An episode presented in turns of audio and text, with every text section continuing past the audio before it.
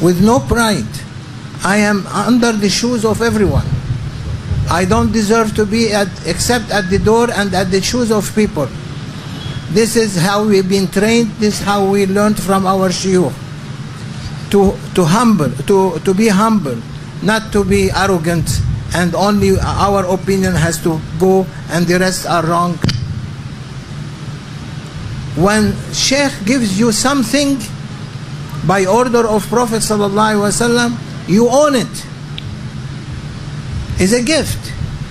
Maulana gave the name Qutbul Mutasarrif. Second, he gave, gave a name Madadul Haq Hujjatullah al Mukhlis. These two names from heavens. Grand Sheikh gave Muradullah al Zakir and Thamir al Haq Zainul Abidin. Four names.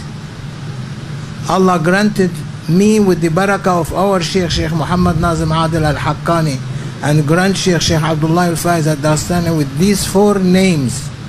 And everyone knows, mostly people knows two names. This is barakah from them. And no one can take it. And no one, if you try to attack it, it means attacking Prophet sallallahu alaihi wasallam, attacking mashayikh.